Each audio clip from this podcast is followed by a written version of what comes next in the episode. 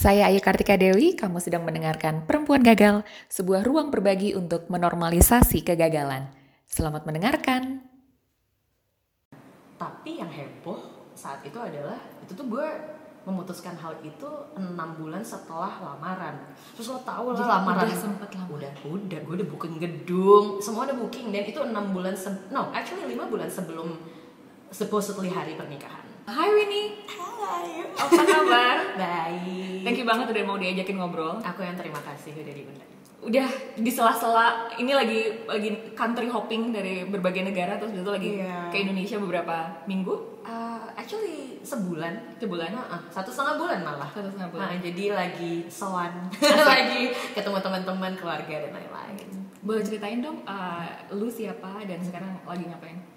Oke, jadi nama saya Winnie Arindrani. Um, uh, ini kebetulan baru lulus uh, dari uh, MBA program Master of Business Administration di Duke University. Itu katanya the best school in the world gitu. Iya gitu, one of the best kali ya. Mohon maaf, alumni. gitu, jadi uh, Mei uh, tanggal 12 Mei lulus. Oke. Uh, dan sekarang ini kebetulan uh, lagi jalan-jalan termasuk lagi mengunjungi keluarga dan teman-teman di Indonesia karena uh, belum mulai kerja. Oke. Jadi mulai kerjanya nanti baru satu setengah bulan dari sekarang. Uh, Dan seru iya, aduh seru banget makanya udah dua tahun gak kerja soalnya kayak semua deg-degan nggak tahu ngapain. Bakal ke mana lo? Bakal ke perusahaan consulting Hmm. uh, namanya McKinsey Hmm. dan kebetulan akan ke kantor mereka yang di New York. Ya hai, seru banget.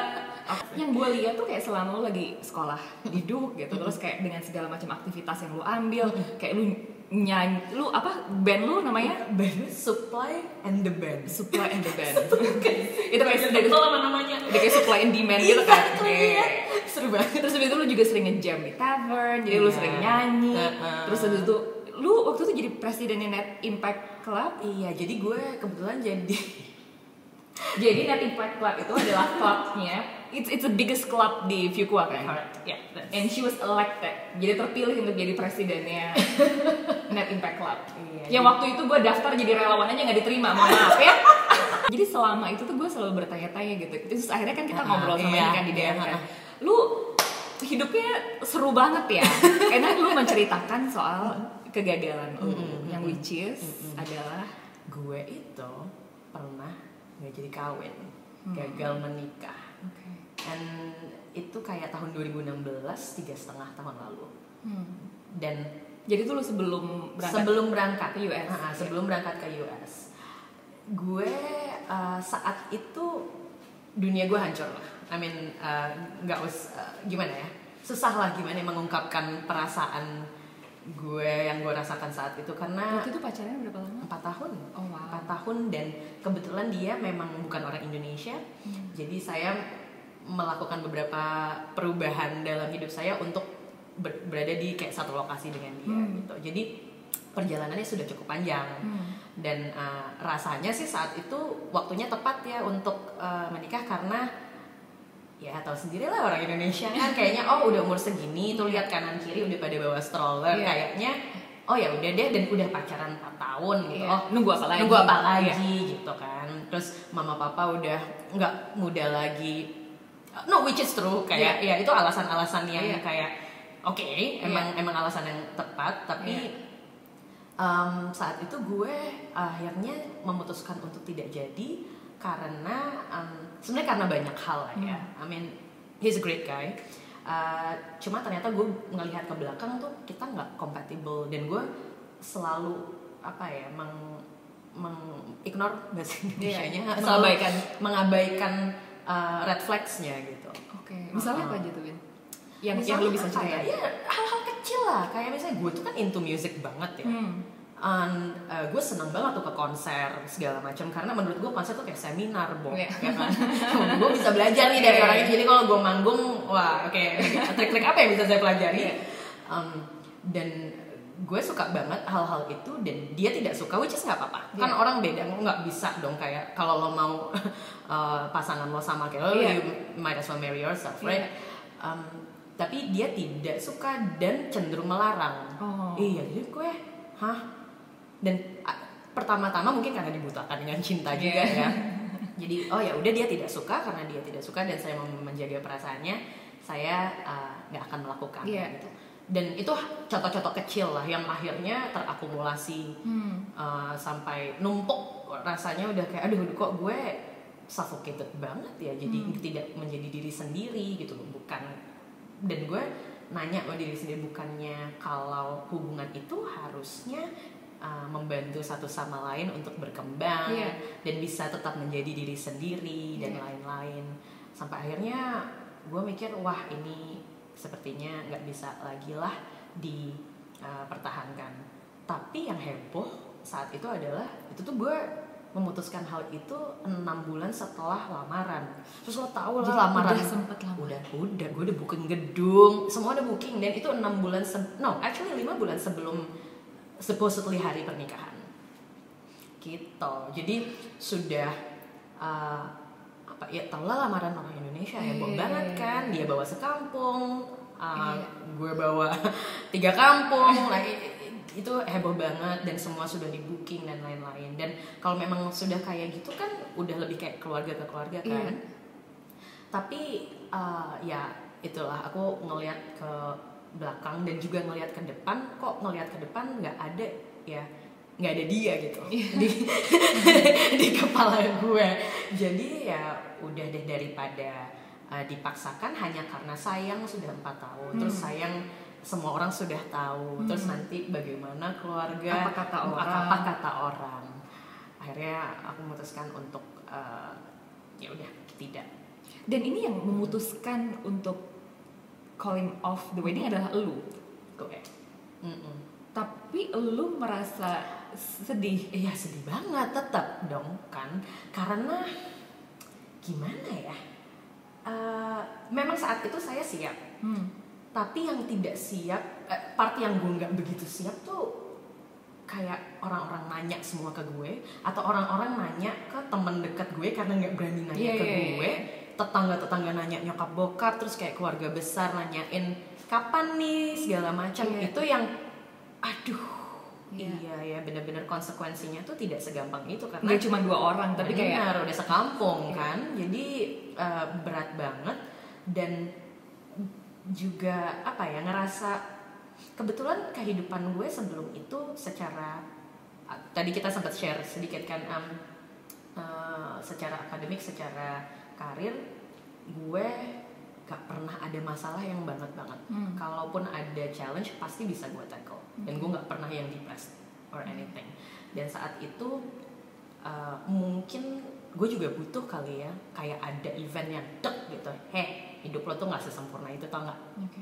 jadi itu gue ngerasa kayak diingetin gitu sama Hmm. yang di atas Hmm. Uh, hidup orang tuh nggak ada yang sempurna pasti ada cobaan cobaannya manifestasinya berbeda-beda Hmm. dan kebetulan uh, pas gue ya itu nggak jadi kawin which is kayak sebenarnya gue juga nggak nyangka atau nggak karena kan selama ini gue denger dari orang lah segala Iya. macem tapi itu terjadi ke gue gue Iya. kayak wow gue kira Iya. gue gak bakal nih ngadepin yang kayak Dan tadi lu bilang kayak dan dan, gue nggak nggak pernah cerita denger cerita ini sebelumnya gitu ya kayak ini lu yang calling the wedding dan Mm-mm. lu tadi ngerasa bahwa lu ngerasa dunia lu hancur Mm-mm. yang which sebenarnya agak apa ya mungkin kalau gua ngeliat dari orang luar gitu ya kayak lu dengan kayak Winnie yang selalu ceria gitu terus kayak karirnya baik-baik aja akademis baik-baik aja gitu. Gimana ya ceritanya itu bisa sampai bikin dunia lu hancur? Waktu itu apa yang? Gue gini karena gue juga sudah terbiasa. Oke in my 20s gue itu selalu ada someone. Hmm. Jadi karena gue ngerasa gue selalu ada seseorang di samping gue pacar maksudnya um, jadi gue bisa fokus ke hal-hal yang lain. Dan gue udah kebiasaan banget udah ada seseorang Oke. di samping gue terus tiba-tiba jeklek nggak ada. Iya. Dan gue tuh nggak biasa tuh uh, atas apa ya perasaan seperti itu. Dan yang kedua bu sebenarnya bukan berarti gue butuh banget laki I mean of course we need Iya. guys and guys need us. Cuma saat itu nggak yang gue jadi kayak clingy or whatever. Cuma kayak gue ngerasa status yang gue selalu ada dan gue nggak usah mikirin Iya. nggak pernah mikirin gitu selama tujuh tahun gitu Iya. dalam apa kehidupan gue in my 20s terus tiba-tiba gue mesti mikirin lagi kayak aduh gue start dari nol lagi terus gue kayak terus gue sama siapa Hmm. aduh umur gue sekarang berapa know, norma-norma Iya, uh, iya. social construct lah menurut gue yang bikin gue panik saat itu kayak wah gimana ya aduh aduh gue gue gue gue bener-bener panik melihat kanan kiri semuanya udah punya anak Hmm. terus gue sekarang tiba-tiba sendiri lagi gue nggak pernah sendiri itu jadi ketakutan-ketakutan itu bikin gue panik Oke. itu sempat melanda gue um, kayak tiga bulan kali and gue harus ngomong ke direct supervisor gue sama head of department gue bahwa gue sedang go through this dan gue actually ambil kayak dua minggu unpaid leave karena Oke. gue bener-bener harus kayak reset semuanya dan gue harus duduk and try to pinpoint kayak kenapa ya gue panik kenapa gue Iya. tiap bangun tuh kayak deg-degan padahal kan gue udah gue yang memutuskan Iya, ini. iya, iya. iya jadi itu sih ketakutan ketakutan itu yang gue hadapi Oh wow. tapi ya iya ah, it, it was a very rough time untung gue tidak sampai tahap depresi karena gue diuntungkan sekali dikelilingi oleh teman-teman teman-teman cewek yang kuat yang sudah berkeluarga maupun yang belum berkeluarga Um, orang tua gue juga 100% mendukung keputusan gue Hmm. jadi uh, itu membuat segalanya lebih mudah Iya. untuk dilalui tapi bukan berarti gue nge-skip uh, tahap di mana gue bener-bener grieving uh, bangun tidur tuh mata bengkak dan segala macam gue go through that mungkin ya. iya berbulan-bulan Oh gitu. wow. Wow. Dan waktu itu kan lu juga sempat cerita gitu bahwa lu akhirnya kayak nge-channel apa ya ke- kesedihan dan kemarahan ini ke sesuatu yang lebih positif. Lu mau cerita nggak? Iya jadi uh, kayaknya bulan ketiga tuh ya Hmm. uh, setelah gue memutuskan untuk tidak jadi menikah um, dan setelah semua uh, urusan-urusan logistik se- selesai kan Iya. tau lah cancel inilah cancel Iya. itu telepon semua orang tidak jadi dan lain-lain ah capek deh nah, jadi kesannya nggak sempet sedih ya Iya. padahal mah sedih juga habis Iya. Iya. habis itu beres kan terus gue memutuskan untuk duduk ya udah mau ngapain nih Hmm, bisa sedih terus, bisa jadi bitter person, tapi bisa juga uh, channel anger ke something yang positif. Hmm. Nah kebetulan uh, waktu gue masih sama ex gue itu, gue sempat ngomongin tentang sekolah Hmm. dan dia mendukung. Dan tapi karena memang waktu itu ada rencana mau menikah, uh, kita ketemu di tengah akhirnya ya udah dia bilang oke gue dukung lo sekolah tapi setahun aja ya Hmm. gitu jadi memang saat itu udah persiapan pengen MBA jadi sudah mulai belajar tes GMAT iya. dan lain-lain tapi udah dead set kayak cuma ke sekolah-sekolah Eropa yang bisa setahun Setahun, iya. gitu nah saat itu gue duduk terus gue mikir sebenarnya lo maunya apa sih Hmm. what do you wanna get out of it dan akhirnya gue uh, berubah haluan deh.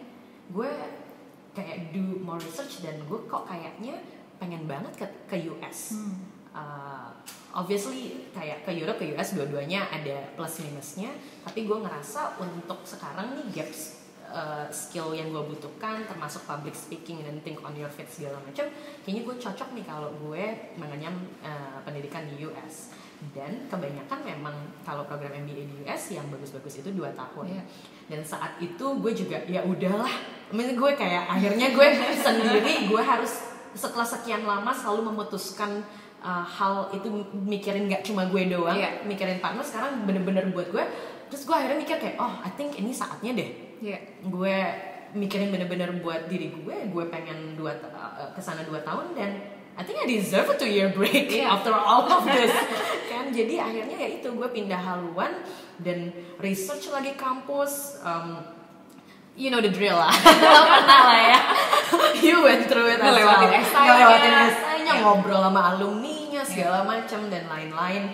Akhirnya gue sibuk banget ke situ dan gue ngerasa itu bener-bener uh, help me itulah go through um, get over the pain menurut gue sakitnya sih akan tetap ada di situ maksudnya kayak luka gitu pasti ada bekas lukanya Iya, iya. Uh, tapi uh, itu bikin gue uh, cepat sembuh lah gue udah gak ngerasain lagi lukanya Iya. karena gue channel ke something yang Iya. positif well hopefully positive Iya, iya, iya. Dan yang gue suka banget ya Win dari cerita lu adalah tadi ketika lu sedang mengalami hal yang susah gitu ya.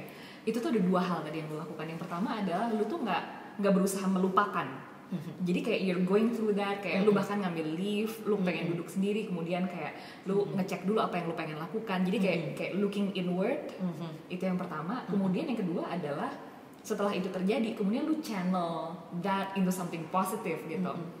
menurutku penting banget. Yang pertama itu penting sehingga kita bisa melakukan yang kedua. Nah betul banget. Karena sering banget tuh kita ya udah langsung aja deh yang kedua gitu. Langsung aja kita kayak langsung aja kita menchannel semua kesedihan dan kemarahan itu untuk sesuatu yang positif. Gue ngebantuin orang lain gue segera ngerjain ini gue menyibukkan diri gitu. Sehingga kita melupakan kesedihan. Tapi kita sebenarnya nggak deal with that. Jadi kalau ada luka kayak yang kayak analogi Iya. tadi tuh nggak disembuhin dulu. disembuhin dulu. Ya, nggak dibersihin Langsung, dulu. dibersihin dulu. Langsung kayak diperban aja udah yang penting cepet Iya, iya, aja iya. gitu. Atau ditutupin aja gitu yang Ditutupin, penting bener. yang penting nggak kelihatan yang penting lupa. Bener. Iya. Uh, iya sih gue ngerasa itu penting banget dan tapi jangan salah gue juga karena gue anaknya kayak bias apa ya terus action banget Iya. kan gue tadinya mau langsung kayak gitu tapi terus gue take a step back dan gue ngobrol ke teman-teman gue yang Hmm. pernah gagal yaitu tadi yang pernah gagal mengalami kegagalan serupa atau pernah dengar temannya mengalami kegagalan serupa ngobrol ke orang tua ngobrol ke keluarga terdekat dan semua uh, orang itu bilang lo harus uh, nangis-nangis dulu kalau mem- maksudnya kalau memang Iya. mau nangis udah selesaiin kalau mau sedih dirasakan and it's also a beautiful thing right? to Iya. feel feelings kayak Iya. kita manusia mm, emang blessed with this ability untuk just kayak ngerasain apa pun yang lo mau rasakan saat itu jadi memang it was intentional Iya, iya. Gitu. Dan the good thing adalah lu kalau gue pernah dengar tuh don't suffer alone. Benar itu benar banget Lu tadi ngobrol gitu Iya, kan sama ngobrol, orang. ha-ha. Karena kalau nggak lu pasti mungkin akan lebih susah gitu kan untuk keluar Susah dari banget. dari kesedihan itu gitu. Dan dan itu juga kayak peluang besar banget untuk lo akhirnya jadi depresi karena Hmm. ngerasa nggak ada yang mau dengerin lo padahal kalau lo reach out ke teman-teman lo pasti dibantuin nggak mungkin enggak iya, iya. Ha-ha. dan uh, hal satu lagi yang gue inget yaitu karena mungkin kayaknya sensitif ya aduh tidak jadi menikah gitu. Padahal sudah uh, berhubungan 4 tahun sudah lama. Kayaknya ngomongin hal-hal kayak gitu tuh di Indonesia especially kayaknya tabu gitu. Tapi menurut gue enggak. Hmm. ya ya udahlah emang part of hidup aja sih menurut gue gitu jadi nggak apa-apa banget sharing kayak kayak gini. Karena orang ya itulah pasti ada masalah deh. Tapi jelmaannya beda-beda aja Iya, gitu. iya, iya. Yay, thank you banget for sharing. Aku terima kasih ya. Thank you banget. undang. Thank you banget. Pelukan dong. Thank you banget. Thank you banget. Terima kasih ya. Yay. Terima kasih telah mendengarkan podcast Perempuan Gagal. Kalau kamu merasa podcast ini bermanfaat, silahkan bagikan ya ke teman-temanmu atau share di Instagram dan tag kami di @perempuangagal. Sampai jumpa di episode berikutnya. Dadah!